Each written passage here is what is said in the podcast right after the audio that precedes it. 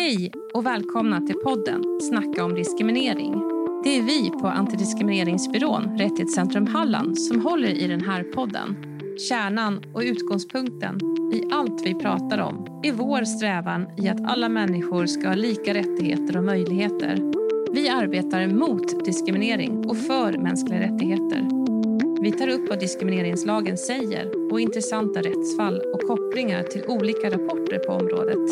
Och vår förhoppning är att detta ska ge dig nya perspektiv och nyfikenhet för de här frågorna. Idag ska vi prata om jämställdhet och diskrimineringsgrunden kön. Och det är ju verkligen något som ständigt är aktuellt. Ja. Och jag som pratar nu heter Sofie Johansson och är verksamhetsledare på Rättighetscentrum Halland. Och med mig har jag min kollega Katarina Koch heter jag och jobbar som jurist på Rättighetscentrum Halland. Och vi i vårt land, Sverige, vi mm. känner ju rätt så ofta att vi är bra på det här med jämställdhet. Mm. Vi är mer jämställda än många mm. andra länder. Ja. Mm. Men om vi ska börja lite i rätt ände. Vad står egentligen jämställdhet för om man nu ska definiera det som ett begrepp? Ja, det står ju för då kvinnors och mäns lika rättigheter, möjligheter och makt. Och det är ju rätt lätt att blanda ihop det här begreppet med jämlikhet som betyder alla människors lika värde oavsett ras, religion, social tillhörighet med mera. Men just det här med jämställdhet, att kvinnor som män ska ha lika rättigheter, möjligheter och makt. Det är ju det vi ska diskutera i det här poddavsnittet. Mm. Och det handlar egentligen om förutsättningar, tänker jag, som måste finnas för att vi alla, både kvinnor och män, ska ha samma möjligheter att, i livet helt enkelt. Mm. Men det är ju inte alltid så enkelt. Mm. Och när jag letade lite efter material till det här poddavsnittet så sprang jag på regeringens jämställdhetsmål. Eh, och jag blev väldigt nyfiken, för det är ju onekligen mycket intressant vad politiken sänder ut för signaler i vårt samhälle. Mm. Det är ju trots allt politiken som formar vårt samhälle. Och vi kan väl gå igenom dem lite grann, Sofie? Ja, men det gör vi. Regeringens jämställdhetsmål, alltså det vill säga jämställdhetspolitiken, att kvinnor och män ska ha samma makt att forma samhället och sina egna liv. Det är ju egentligen, det kan inte vara mer tydligt än så egentligen. Nej. Men utifrån det här så arbetar då regeringen efter sex delmål och jag ska beskriva dem lite här, men en liten kort kommentar till tänkte jag. Mm. Om vi tar det första delmålet så är det en jämn fördelning av makt och inflytande. Eh, kvinnor och män ska ha samma rätt och möjlighet att vara aktiva medborgare och att forma villkoren för beslutsfattandet. Och det här målet antyder att så ser det inte ut idag. Så är det ju. Det är framförallt kvinnor då som inte har tillgång till eh, beslutsfattande positioner på samma sätt som män. Det finns i politiken och så vidare. Men framförallt den största skillnaden inom näringslivet. Där är det nio av tio ordförande och vds som är män. Mm -hmm. Ja, herregud. Ja. Mm. Det andra delmålet då, det är ekonomisk jämställdhet. Det innebär då att kvinnor och män ska ha samma möjligheter i villkor i fråga om betalt arbete som ger ekonomisk självständighet livet ut. Mm. Och även här är det så att kvinnor fortfarande dels har lägre lön men också att de yrken som anses kvinnliga har lägre lön än de som anses manliga. Och det, jag hittade en intressant siffra här om vi ska hålla oss till vår mm. hemort eller mm. där vi befinner oss just nu. Lokala alltså, siffror. Ja, precis. Mm. I Halmstad. Mm. Där vi kollat i vår lokaltidning här, Hallandsposten från 2019 då de presenterade vilka som tjänar mest i Halmstad. Och då var det de 100 personerna som tjänade mest pengar i Halmstad och mm. av dem var 17 personer kvinnor. Mm. Så här finns det ju ett jobb att göra om vi ska bli jämställda och eh, tjäna lika mycket pengar kan man säga. Verkligen. Det tredje delmålet är jämställd utbildning. Alltså att kvinnor och män, flickor och pojkar ska ha samma möjligheter och villkor när det gäller utbildning, studieval och personlig utveckling. Och här kan vi väl kommentera det att vi vet att kvinnor och män väljer olika former av utbildning. Mm. Och att då de som anses vara manliga också har ett högre värde. Och det mm. leder ju till det vi pratade om innan med, med ekonomi. Ja. Att det också ger en högre lön. Mm. Men vi vet också att det är fler kvinnor än män som utbildar sig. Och det trots det så är det, eh, har kvinnor sämre mm. lön. Mm. Och här är det då viktigt att jobba för val av utbildning och även personlig utveckling inte ska vara kopplat till kön. Ja, då går vi vidare. Mm. Ja. Det fjärde delmålet är en jämn fördelning av det obetalda hem och omsorgsarbetet. Mm. Kvinnor och män ska ha samma ansvar för hemarbete och ha möjlighet att ge och få omsorg på lika villkor. Jag vet att det här känns också så intressant för det här är ju verkligen det he hemarbetet, det privata Precis. och vad som händer ja. i, i hemmet, i familjen. Ja. Eh, och det är intressant att det finns som en, en politiskt, politiskt mål i sig. Mm. Här kan man säga att det finns inga jättefärska siffror på hur det ser ut om man ska rent kolla utredningsmässigt utan här kommer det en under våren faktiskt en ny Mm. studie för hur ser det ut i hemarbetet. Den senaste gjordes för tio år sedan och Ja. då visade det sig att kvinnor lägger 45 minuter mer per dag i hemarbete än vad män gör. Det blir flera timmar i veckan. Det blir mycket, mycket timmar Mm. i det stora hela. Ja. Så det ska bli intressant att se vad som sägs här nu när det kommer en ny studie. Precis, om det går åt rätt håll eller fel håll. Precis. Vi får se. Det femte delmålet det är jämställd hälsa. Kvinnor och män, flickor och pojkar ska ha samma förutsättningar för en god hälsa samt erbjudas vård och omsorg på lika villkor. Det är vanligare att unga tjejer och kvinnor är sjukskrivna för psykisk ohälsa men det är också i större utsträckning kopplat till att det är kvinnodominerade yrken där man Mm. har sjukskriven med psykisk ohälsa. Just det. Men däremot så vet vi också att män drabbas hårdare av självmord men också av arbetsplatsolyckor. Mm. Det finns olika områden att jobba med för Ja. båda könen här. Ja. Och det sjätte delmålet det är då mäns våld mot kvinnor ska upphöra. Kvinnor, män, flickor och pojkar ska ha samma rätt och möjlighet till kroppslig integritet. Mm. Det, det finns ju alldeles, alldeles för mycket våld mot kvinnor i samhället. Och oftast så är det ju faktiskt någon som man känner som är förövare. Och du hade ju en färsk siffra där, Sofie. Precis. Under 2021, alltså förra året, så var det 14 kvinnor som dödades av en man som de har haft eller har eller hade då en, en kärleksrelation till. Mm. Och det här är ju väldigt höga siffror. Mm. Mer än en kvinna i månaden dödas av någon som de älskar eller har älskat. Mm.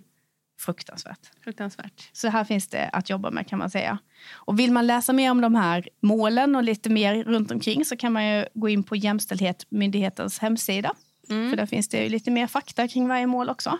Precis. Vi ska bli jämställda både i privatlivet, i hemmen men också arbetslivet och ute i samhället. Ja, och hur långt har vi kommit i Sverige egentligen kan man ju undra. Vi har ju en bit kvar, det är ett som är säkert. Och eh, något som jag tänker på här är ju att i vår nu gällande diskrimineringslag så har vi ju diskrimineringsgrunden kön. Eh, och det är ju så att enligt diskrimineringslagen så finns det endast två kön. Eh, det manliga och det kvinnliga. Så kön är att vara man eller kvinna, rent biologiskt och rent juridiskt. Och de diskrimineringsgrunder som vi har idag är de grupper som lagstiftaren idag anser vara skyddsvärda. Det vill säga det finns en anledning att skydda den här gruppen av människor. Och när det gäller denna grund så är ju det så att alla vi människor har ett skydd här. Def- Definitionen kön omfattar ju även transsexuella, det vill säga någon som menar att hens biologiska kön inte stämmer överens med hur hen själv uppfattar sin könstillhörighet. Det vill säga den som avser att ändra eller redan har ändrat sin könstillhörighet omfattas ju av grunden kön också. Mm. Och spontant så tycker man ju kanske att det här med kön, det är rätt så enkelt att förstå definitionen av. Mm. Eller så har man... Eh, Inte alls. inte- precis, eller så tycker man inte alls att det är så enkelt att, Mm. att förstå definitionen Mm. av kön. Kön kan ju ha en del olika betydelser. Det är egentligen ett ord för många olika ord kan man säga. Mm. Eh, och du var ju inne på två former här och vi kan väl definiera fyra stycken olika former av kön. Och biologiskt kön, alltså det är ju det som säger hur din kropp är och hur, du, hur, ja, hur hormoner och sånt fördelas in i din kropp. Det är det biologiska. Sen har vi det juridiska könet och det är det som du är folkbokförd som. Mm. Och du beskrev ju då att de här biologiska och juridiska könen det är också de som omfattas av diskrimineringsgrunden kön. Mm. Då pratar vi om det, den formen av kön Ja. eh, oftast. Då, Ja. Men det kan ju också vara så att man istället syftar på ett socialt eller mentalt kön Mm. när man pratar om kön. Och det mentala könet kan man väl säga är den könsidentitet som vi identifierar oss med. Och här finns det en annan diskrimineringsgrund som också skyddar oss. Könsöverskridande identitet eller eh, könsuttryck. Och det kommer vi säkert prata mer om vid ett annat tillfälle. Ja. kommer vi inte gå in på så mycket idag. gången. Nej, Nej. precis. Men sen har vi också socialt kön och där finns det ett annat ord. Det är genus som betyder då att, att det är det kön som vi lär oss. Vårt inlärda kön om hur vi ska bete oss. Och det innefattar alltså då de könsroller om hur vi förväntar oss att vi ska bete oss. En biologiskt född flicka förväntas att klä sig på ett speciellt sätt och bete sig utifrån sitt genus. Och vi till och med behandlas ju olika utifrån då vilket biologiskt kön som vi föds med och det skapar det här genus. Mm. Och det här är ju någonting som vi har med oss från att vi föds redan i skolan. Mm. Vi socialiseras helt enkelt in i de här könsrollerna och lär oss då vilka normer som råder kring våra könsroller. Mm. Och bryter man mot normen då kan man bli straffad genom att exempelvis bli utesluten ur en gemenskap. Eller att man blir hånad eller diskriminerad. Eh, Så det är verkligen tur att diskrimineringslagen finns. Mm. För uppenbarligen så behandlas vi olika utifrån vilket kön vi har. Diskrimineringsgrunden kön är den diskrimineringsgrund som har starkast skydd i vår diskrimineringslag. För det här förbudet då, gällande kön har skydd inom samtliga samhällsområden. Och det vi ska ta med oss är ju det att beroende på hur skyddet mot diskriminering ser ut i vårt land idag så synliggörs ju även de normer som råder eh, och vilka grupper som anses vara skyddsvärda eller inte. Och I Sverige så har vi sedan länge haft väldigt mycket kvinnorättsfrågor och de har varit synliga i vår samhällsdebatt. Och man kan ju ställa sig då frågan varför har det behövts? Ja.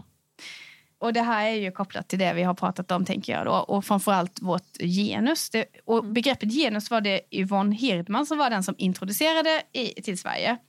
Och hon menar ju att det finns ett genussystem runt omkring oss som påverkar oss i det sociala och det ekonomiska och i det politiska. Och här finns det då kvinnligt och manligt. Hon tycker då att det är viktigt här att poängtera att det finns en, en överordnad och en underordnad. Och det manliga maskulina det är överordnat det kvinnliga. Det vill säga att det finns en könsmaktordning. Och det skulle ju då kunna förklara då varför exempelvis kvinnliga yrken ses som mindre värda än manliga yrken och manliga egenskaper ses som mer värda än kvinnliga. Och att vi ens står så här och pratar om att det finns manliga och kvinnliga egenskaper, det är ju också liksom rätt så intressant att diskutera.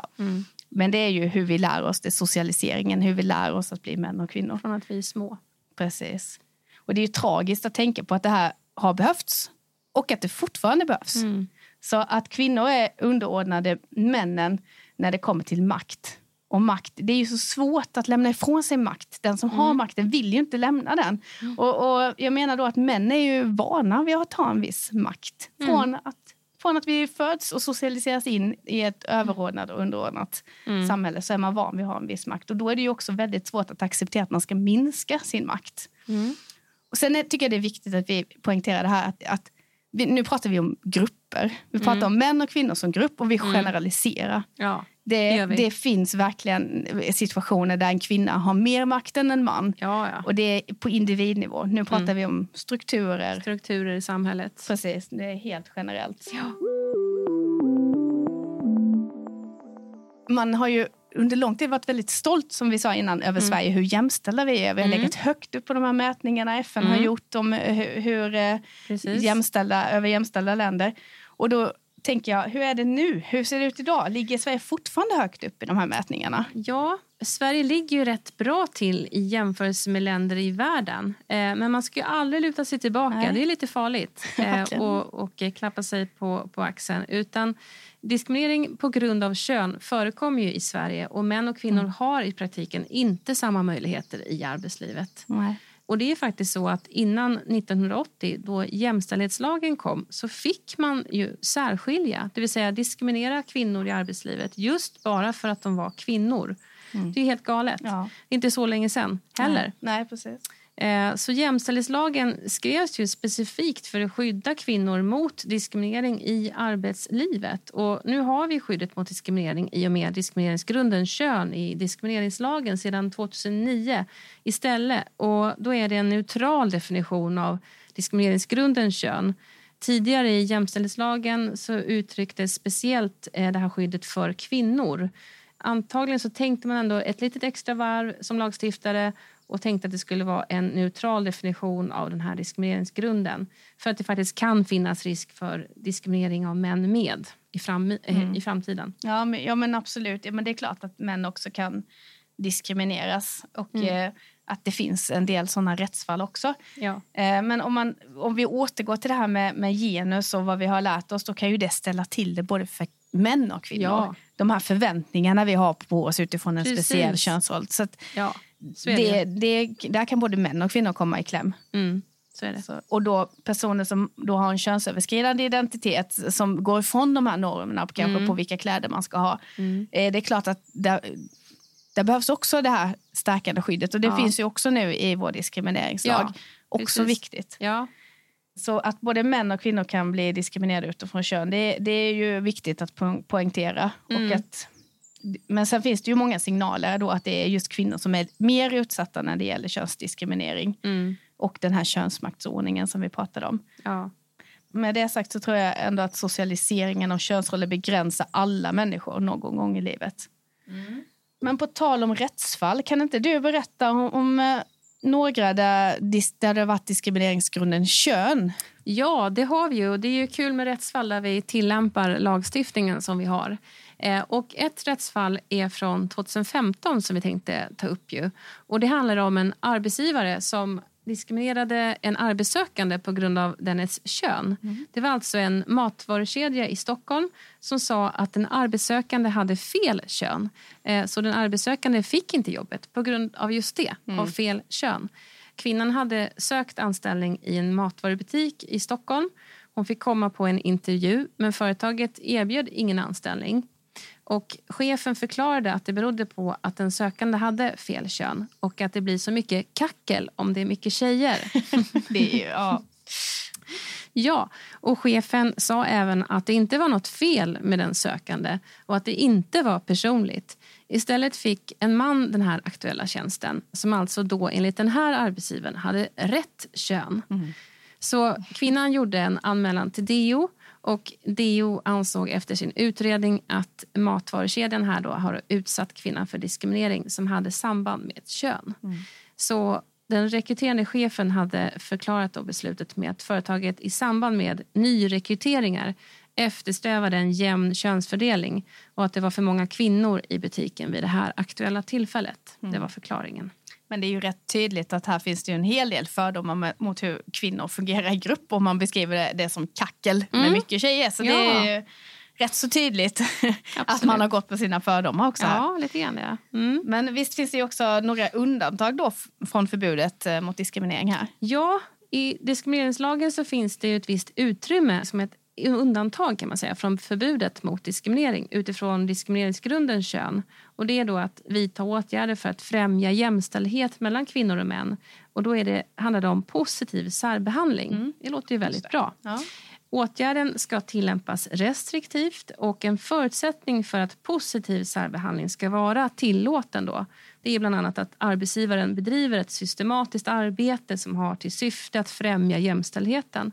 Så att enstaka diskriminerande åtgärder utan stöd i en jämställdhetsplan eller i en, ett jämställdhetsavtal kan mm. inte försvara med hänsyn till undantaget för positiv särbehandling.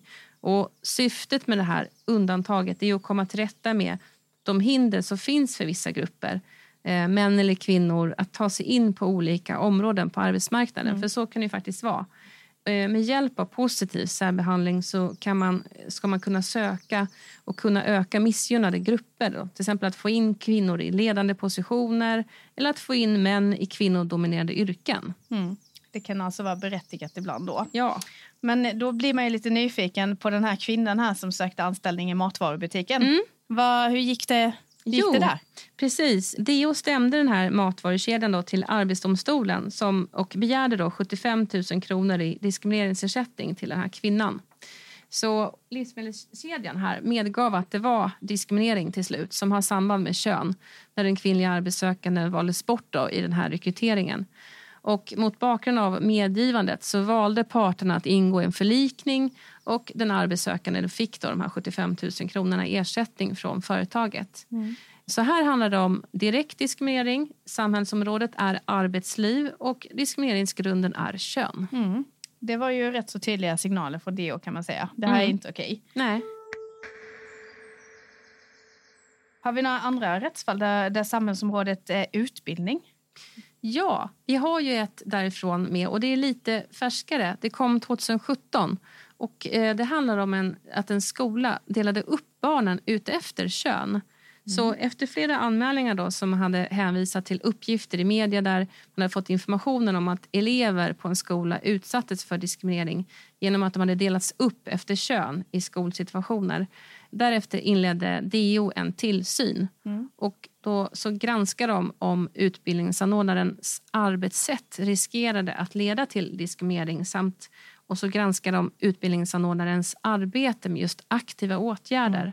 Och efter det så kom DO fram till att en könsuppdelad undervisning kan vara diskriminering. Ja, det här har man ju varit med om. Mm.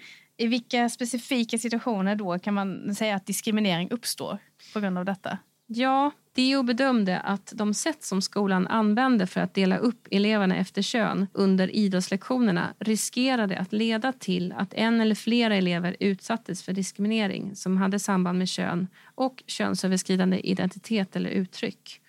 Så i anmälningarna fanns också andra uppgifter om könsuppdelning av eleverna i andra typer av skolsituationer. Men i de fallen så bedömde DO däremot att utredningen inte gav stöd för att skolan hade använt ett sånt arbetssätt som medförde en risk för att diskrimineringslagen överträddes. Okay. Men eh, det var ju så också då att man arbetade inte alls på det sätt med sina aktiva åtgärder på den här skolan som man borde göra. Så att DO kom också fram till att man som tillsynsmyndighet behövde följa upp skolans arbete med aktiva åtgärder. Så det var också en viktig effekt av det här. Mm. Verkligen.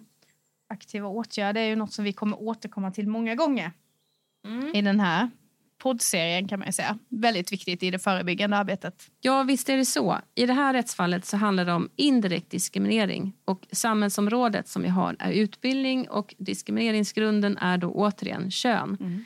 Och kravet på att aktiva åtgärder ska genomföras gäller ju då sedan 2017. Och då är det också alla sju diskrimineringsgrunder som är med i det här arbetet om aktiva åtgärder ska man tänka på. Och arbetet med aktiva åtgärder innebär att bedriva ett förebyggande och främjande arbete genom att 1. Undersöka om det finns risker för diskriminering eller repressalier eller andra hinder för enskildas lika rättigheter och möjligheter i verksamheten som man bedriver. Och 2. Analysera orsakerna till upptäckta risker och hinder. Och den tredje punkten är att vidta de förebyggande och främjande åtgärder som skäligen kan krävas. Och fyra, sist men inte minst, följa upp och utvärdera arbetet enligt punkt 1 till 3. Så arbetet med aktiva åtgärder ska precis som i arbetslivet genomföras hela tiden, fortlöpande. Och åtgärder ska tidsplaneras och genomföras så snart som möjligt. Och det här står ju då i kapitel 3 i vår diskrimineringslag. Mm. Inte att förglömma. Men om vi ska sammanfatta lite så kan vi väl säga det att även om ojämlikheten mellan män och kvinnor har jämnats ut under de senaste åren så finns det fortfarande väldigt mycket kvar att göra. Väldigt mycket kvar att göra. Och att de här starka normerna som vi har i samhället och vi har en lång historia som bidrar till maktskillnader mellan könen. Mm. Eh, Men det är ju tur att det finns verktyg i lagen och att det finns så högt skrivna mål så att vi ska nå upp till lika rättigheter och skyldigheter. Mm. Eh, Så då låt oss fortsätta att jobba på det här tillsammans. Ja, Mm, vi har säkert anledning att återkomma till att prata om diskrimineringsgrunden kön och jämställdhet ännu längre fram i vår det har vi säkert. Men eh, där avrundar vi för idag. Det gör vi. Tack för att ni har lyssnat på podden Snacka om diskriminering. Vill du fördjupa dig ytterligare i de här frågorna så finns det också ett studiecirkelmaterial. Mer om detta går att hitta på vår hemsida www.rättighetscentrumhalland.se. Den här podden gjordes med stöd av Myndigheten för ungdoms och civilsamhällsfrågor, ABF Halland. Tekniker för podden är Joakim Dahlström.